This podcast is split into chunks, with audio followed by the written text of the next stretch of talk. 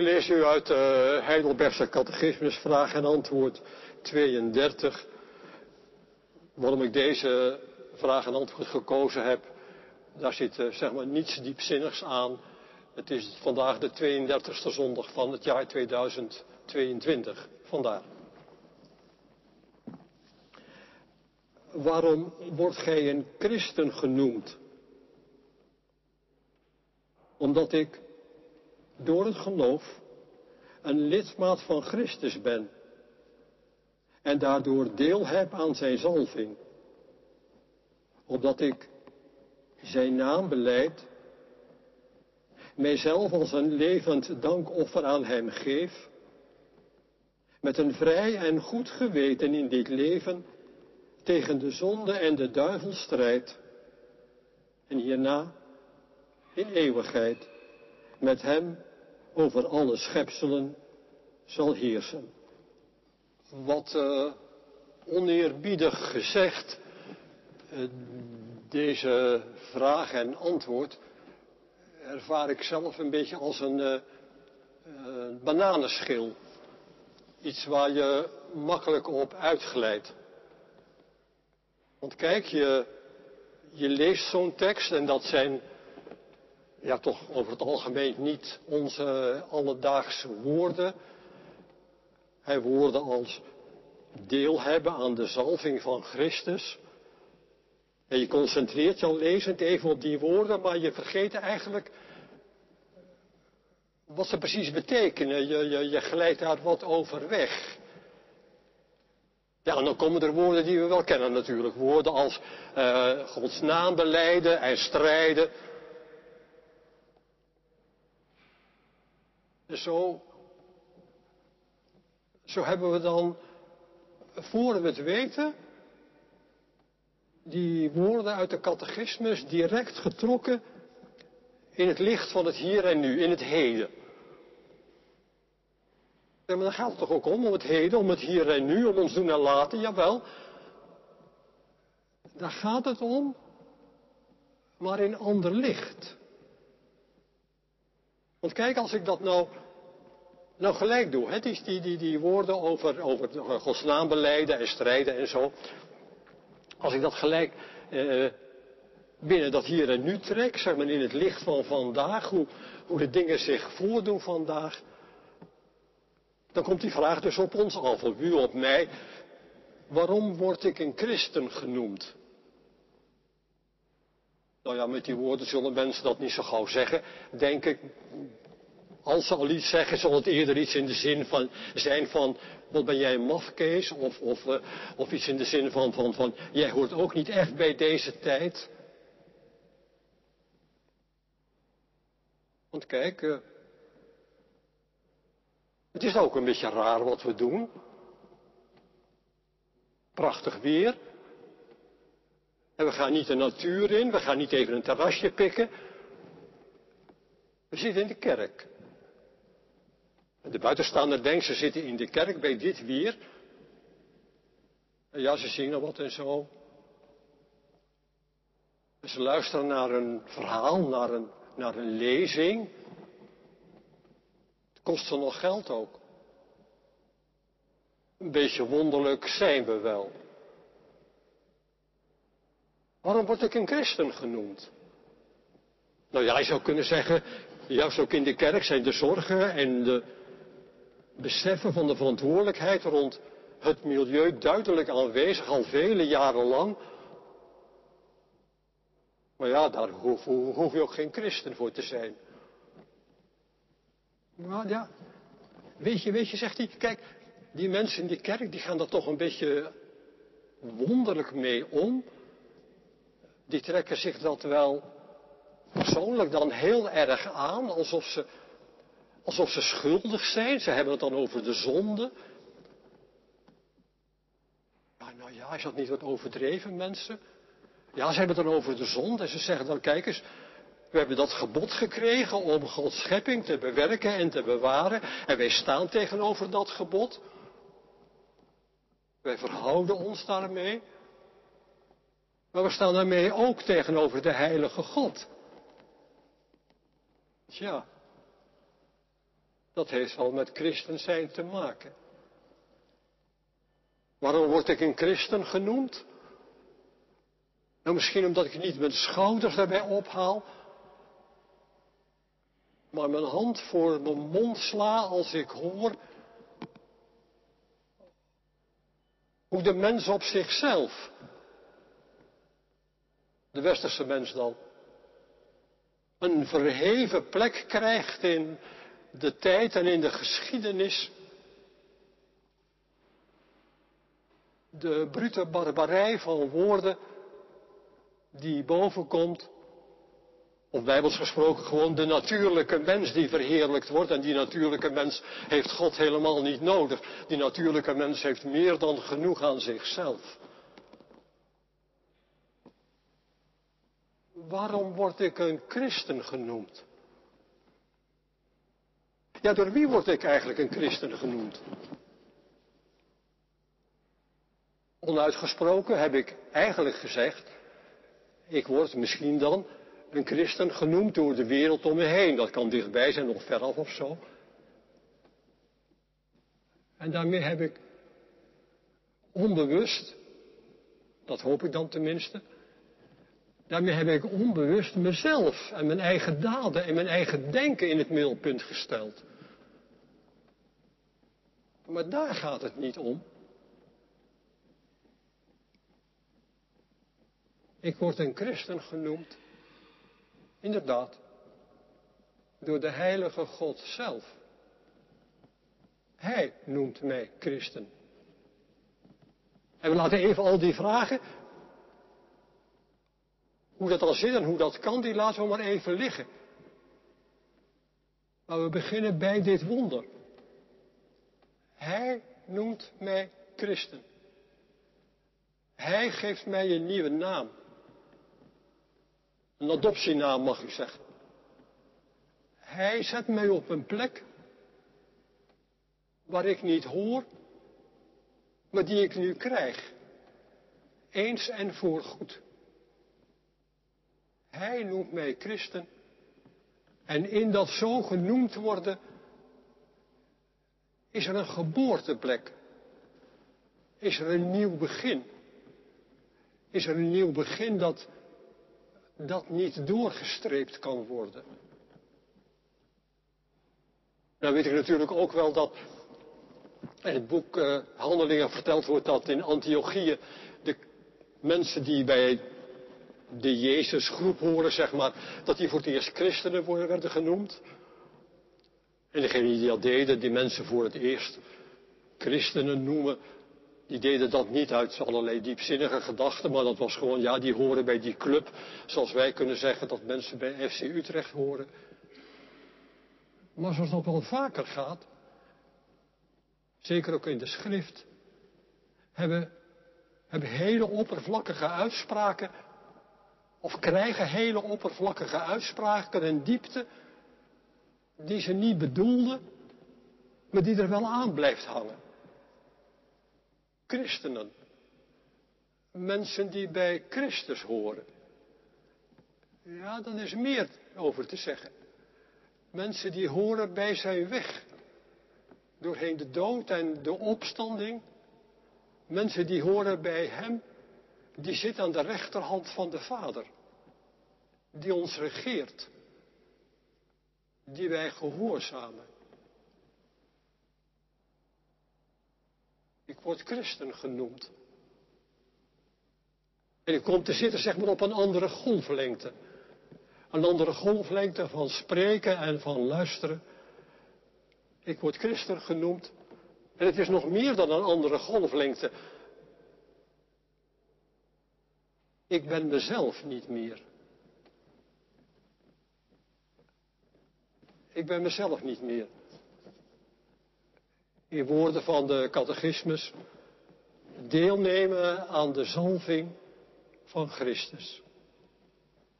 De zalving van Christus, drievoudig, een totaal nieuw begin en alle drie onder de koepel van de liefde van God, zonder maat en zonder grens.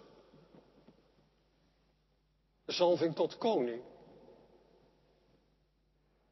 Zijn heerschappij over mijn leven. Hij zegt ja tegen mij.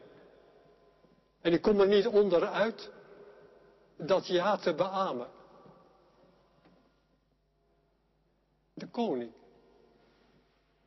Die in mijn leven komt en die in de wereld komt. En die het donker verbreekt. De koning die niet alleen het donker verbreekt, zeg maar vanuit de verre hemel, maar die daar ook middenin gaat staan. Die gaat staan tussen de duisternis die in mij is en om mij heen is. En mij bij de hand neemt en uitleidt. De koning. Die de grote woorden spreekt over het koninkrijk van God dat komt en is. Woorden die zijn echo krijgen in het leven van mensen. Woorden die vertellen dat het tussen God en ons niet alleen omgaat om tussen Hem en mij, maar tussen Hem en zijn mensen, tussen Hem en zijn wereld.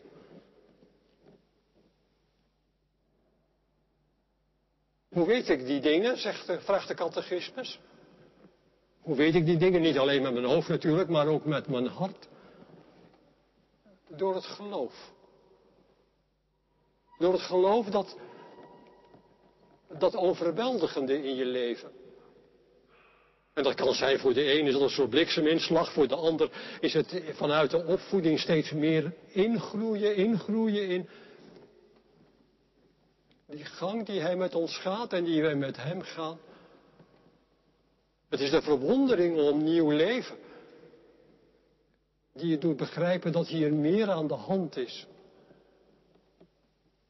Het is de merkwaardige vreugde die een mens krijgen kan, juist in tijden van nood en dood, te weten dat die woorden van, van, van de duisternis doorbreken, dat dat niet zomaar woorden zijn, maar werkelijkheden. Een uitgestoken hand. Geloof. Dat is ja, ja, ja, van die uitgestoken hand wat weten, daar wat van gezien hebben. Dat is, dat is het besef. Meer en meer ook dat je, dat je tegen hem zegt, ik kan niet zonder u. En dat hij zegt, en ik wil niet zonder jou. Ik wil niet zonder jou. Jij, jij met je naam, met jou wil ik verder. En met jou wil ik verder door, jij deel, door jou deel te laten nemen aan die salving van Christus. Deel te laten nemen aan die, aan die koninklijke weg, aan die priesterlijke weg, aan die profetische weg. Dat zijn natuurlijk allemaal hele grote woorden. Maar het is, het is dan ook mee laten nemen in de praktijk van alle dag. Het is dus niet alleen zeg maar, een, een geestelijke waarheid, ja dat is het ook natuurlijk en in eerste instantie. Maar het is een waarheid die, een werkelijkheid, die neerdaalt in ons leven, neerdaalt in de dingen van alle dag. Neerdaalt en ons dus mee wil nemen op die weg die hij gaat, ons mee wil nemen naar zijn koninkrijk, ons mee wil nemen naar, naar uitzicht, naar, naar licht. Zijn weg waarop hij ons mee wil nemen, de weg van de bevrijding. En van die bevrijding weten we wat. Weten we heel wat. Ik heb natuurlijk niet zomaar de tien geboden, de decaloog gelezen. Kijk, dat is, dat is de weg van de bevrijding. De weg van de bevrijding die, die ons losmaakt van datgene wat ons naar beneden haalt. Die, die geboden, ze zijn, ze zijn geen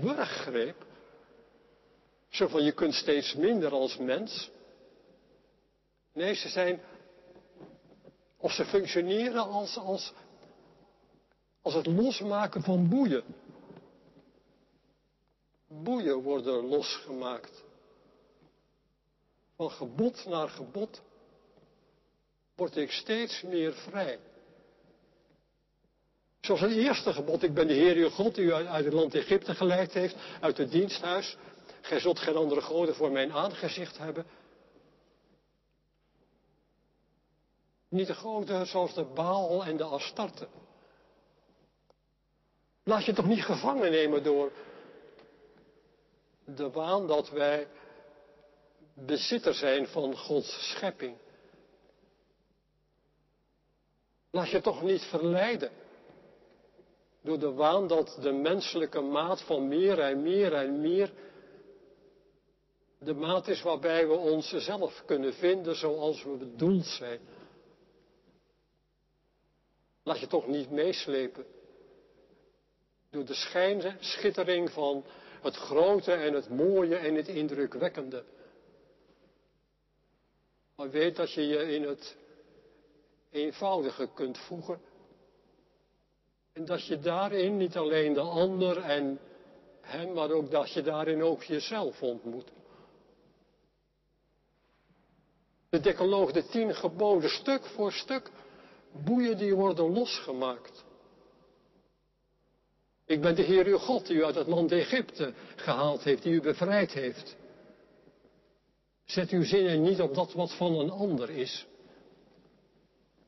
Mensen, begrijp dan toch, zegt het gebod. Begrijp dan toch dat, dat in een samenleving zoals jullie in Israël of nu vandaag, dat er een bepaalde ordening nodig is. En als je dat vergeet, dat je binnen de kortste keren verdwaalt in het moeras, waarbij je het ik en het ik heb gelijk voor opstaan.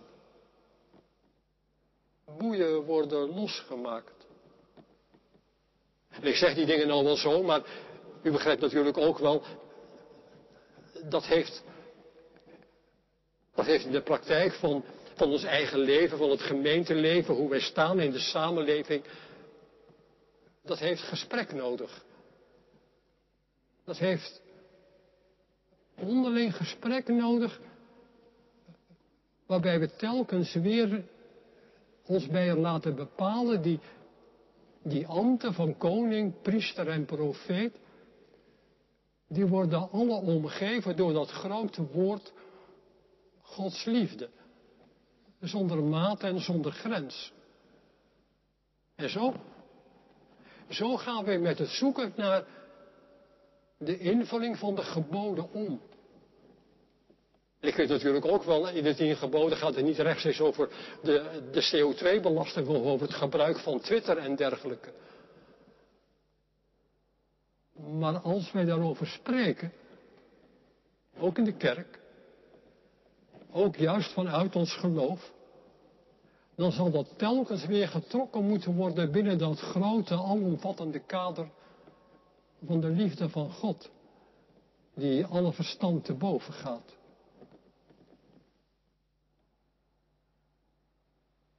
Is dat uh, idealistisch om zo over te spreken? Is het ook ja, buiten, buiten de realiteit om? Zo, zo gaan de dingen nou één keer niet.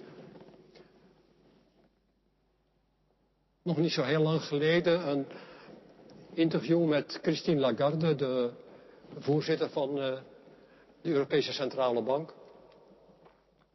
En de de slotvraag aan haar was, wat is nou in de wereld van de financiën en de wereld van de economie het meest fundamentele? En zij zei, de liefde. De liefde die dan vertaald wordt in betrouwbaarheid, in een andere winst gunnen, in eerlijkheid.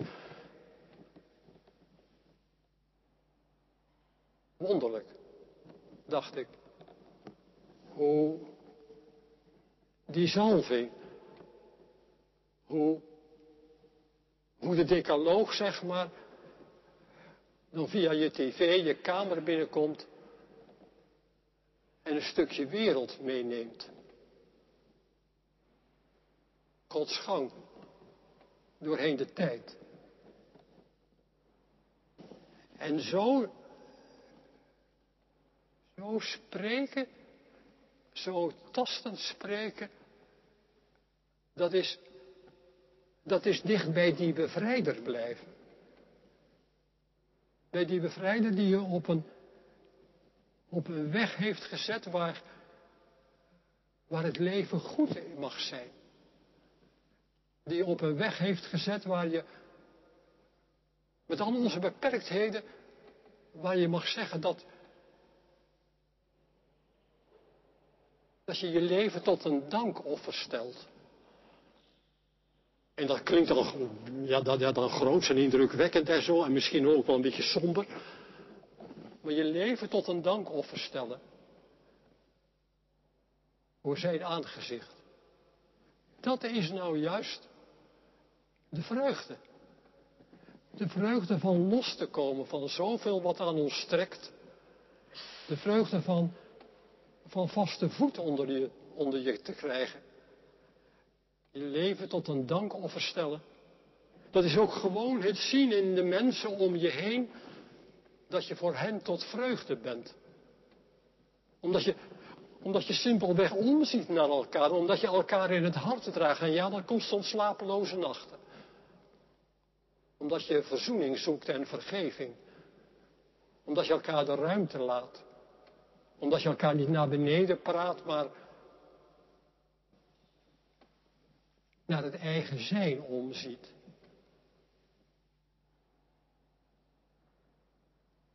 Dankoffer, een leven, dankoffer en de vreugde om je heen zien bij mensen. En daar ook mee de vreugde in jezelf. En denk ik te mogen zeggen, vreugde bij God. Vreugde bij God, omdat Hij aan ons leven ziet dat wij inderdaad die weg gaan, die uiteindelijk de weg van Christus Jezus is. Dat wij uiteindelijk de weg gaan met Hem en tot Hem.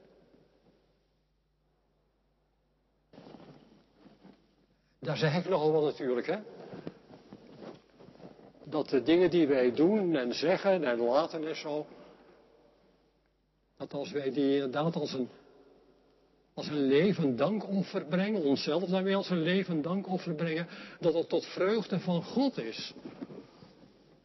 Zo goed is dat toch ook allemaal niet? Ja, ja, kijk, kijk, kijk. Ik doe soms goede dingen en ik zeg soms best wel goede dingen, hoop ik. En, en, en, uh, en bij tijd en wijle ben ik zo ook zo wijs om, om, om, om alleen maar te luisteren. Uh, ja, het is allemaal niet geweldig, maar goed, het, het, het, het, het gebeurt dan toch maar. En het negeren mag ik ook niet, want dan, ja, dan zou ik het werk van de Heilige Geest aan mijn leven negeren. En dat is natuurlijk ook onbestaanbaar. Maar mag ik dat zo zeggen? Ja, zegt iemand tegen me, ja nee, dat, dat, dat, dat, dat herken ik wel. Die, die, die, die aarzeling van je begrijp ik wel. En die bescheidenheid begrijp ik wel. Maar ik denk best wel dat je het zo mag zeggen. Dat de Heere God zich verheugt in je daden. Ja, oh dank je, dank je.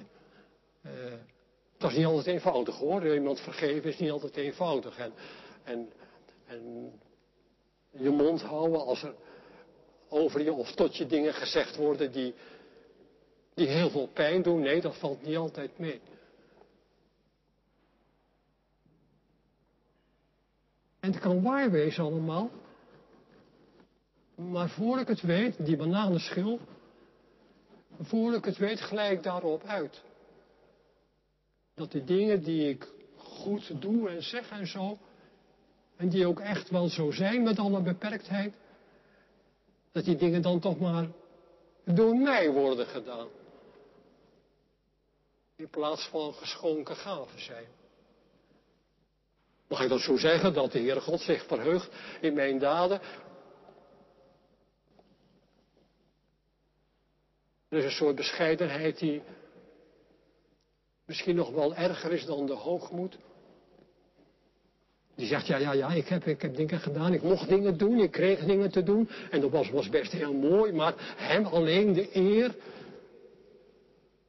En ik moet erbij zeggen, ik weet dat best en ik schaam er ook wel een beetje voor. Er zat ook een beetje bedeelzucht bij en, en, en, en een beetje hoogmoed. En... Het zal allemaal wel. Maar met de catechismus mogen wij zeggen dat wij het doen met een vrij en goed geweten. Wij mensen, in onze strijd tegen duivel en zonde. Wij mensen die christenen genoemd worden. Bezig om, om de weg te zoeken waar langs Hij ons leidt. Wij mensen mogen dat doen met een vrij en goed geweten. Omdat?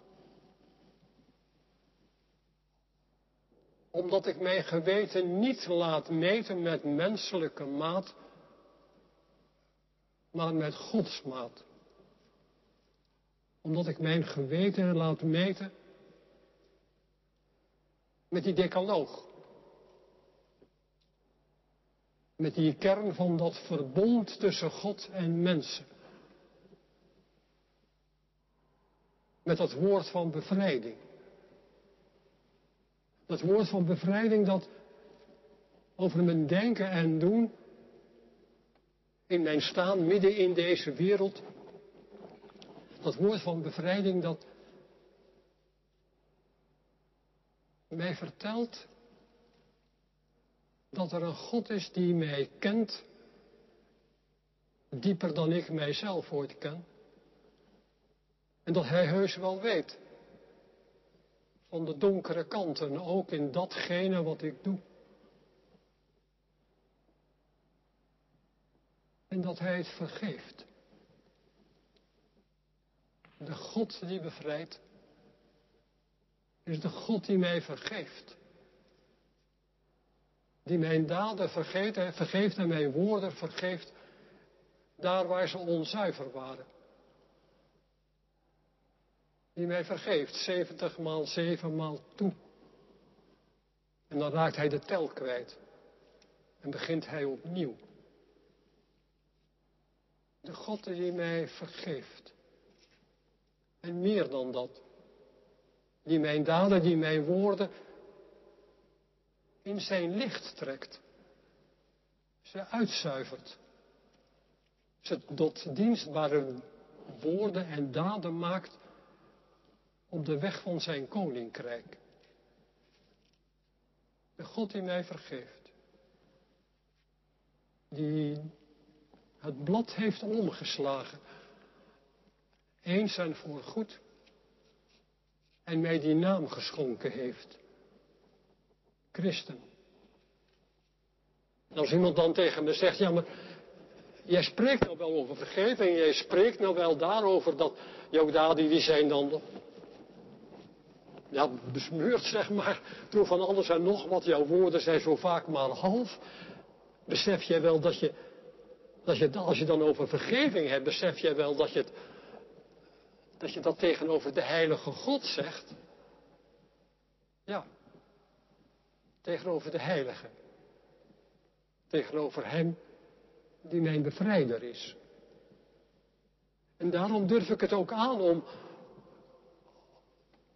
nou zeg maar het, het goede te doen. Met alles wat er over gezegd kan worden. Maar ik durf het aan om het goede te doen in, in een geheiligde ontspannenheid. Ik strek mezelf niet uit om het, zeg maar 100% of hoe je het ook noemen wilt, te bereiken. Ik hou mijn handen open om opnieuw, om opnieuw de dingen te krijgen die hij me aanreikt. In dat ambt van koning, profeet en priester, in dat zorgzaam zijn om de ander, in dat vergeven, in dat volhouden van zijn woord. Ik hou mijn handen open om erop te vertrouwen dat wat ik in alle gebrekkigheid doe door hem in dienst wordt genomen vandaag en alle dagen die hij mij gunt. zo, zo in het leven mogen staan. Je zo meegenomen weten op die weg, de weg naar Gods Rijk. De weg die in Christus begonnen is en voltooid zal worden. Je zo meegenomen weten. En soms, en dat is vaak met aanvechting natuurlijk en zo, maar wat soms ook werkelijk te durven zeggen over jezelf.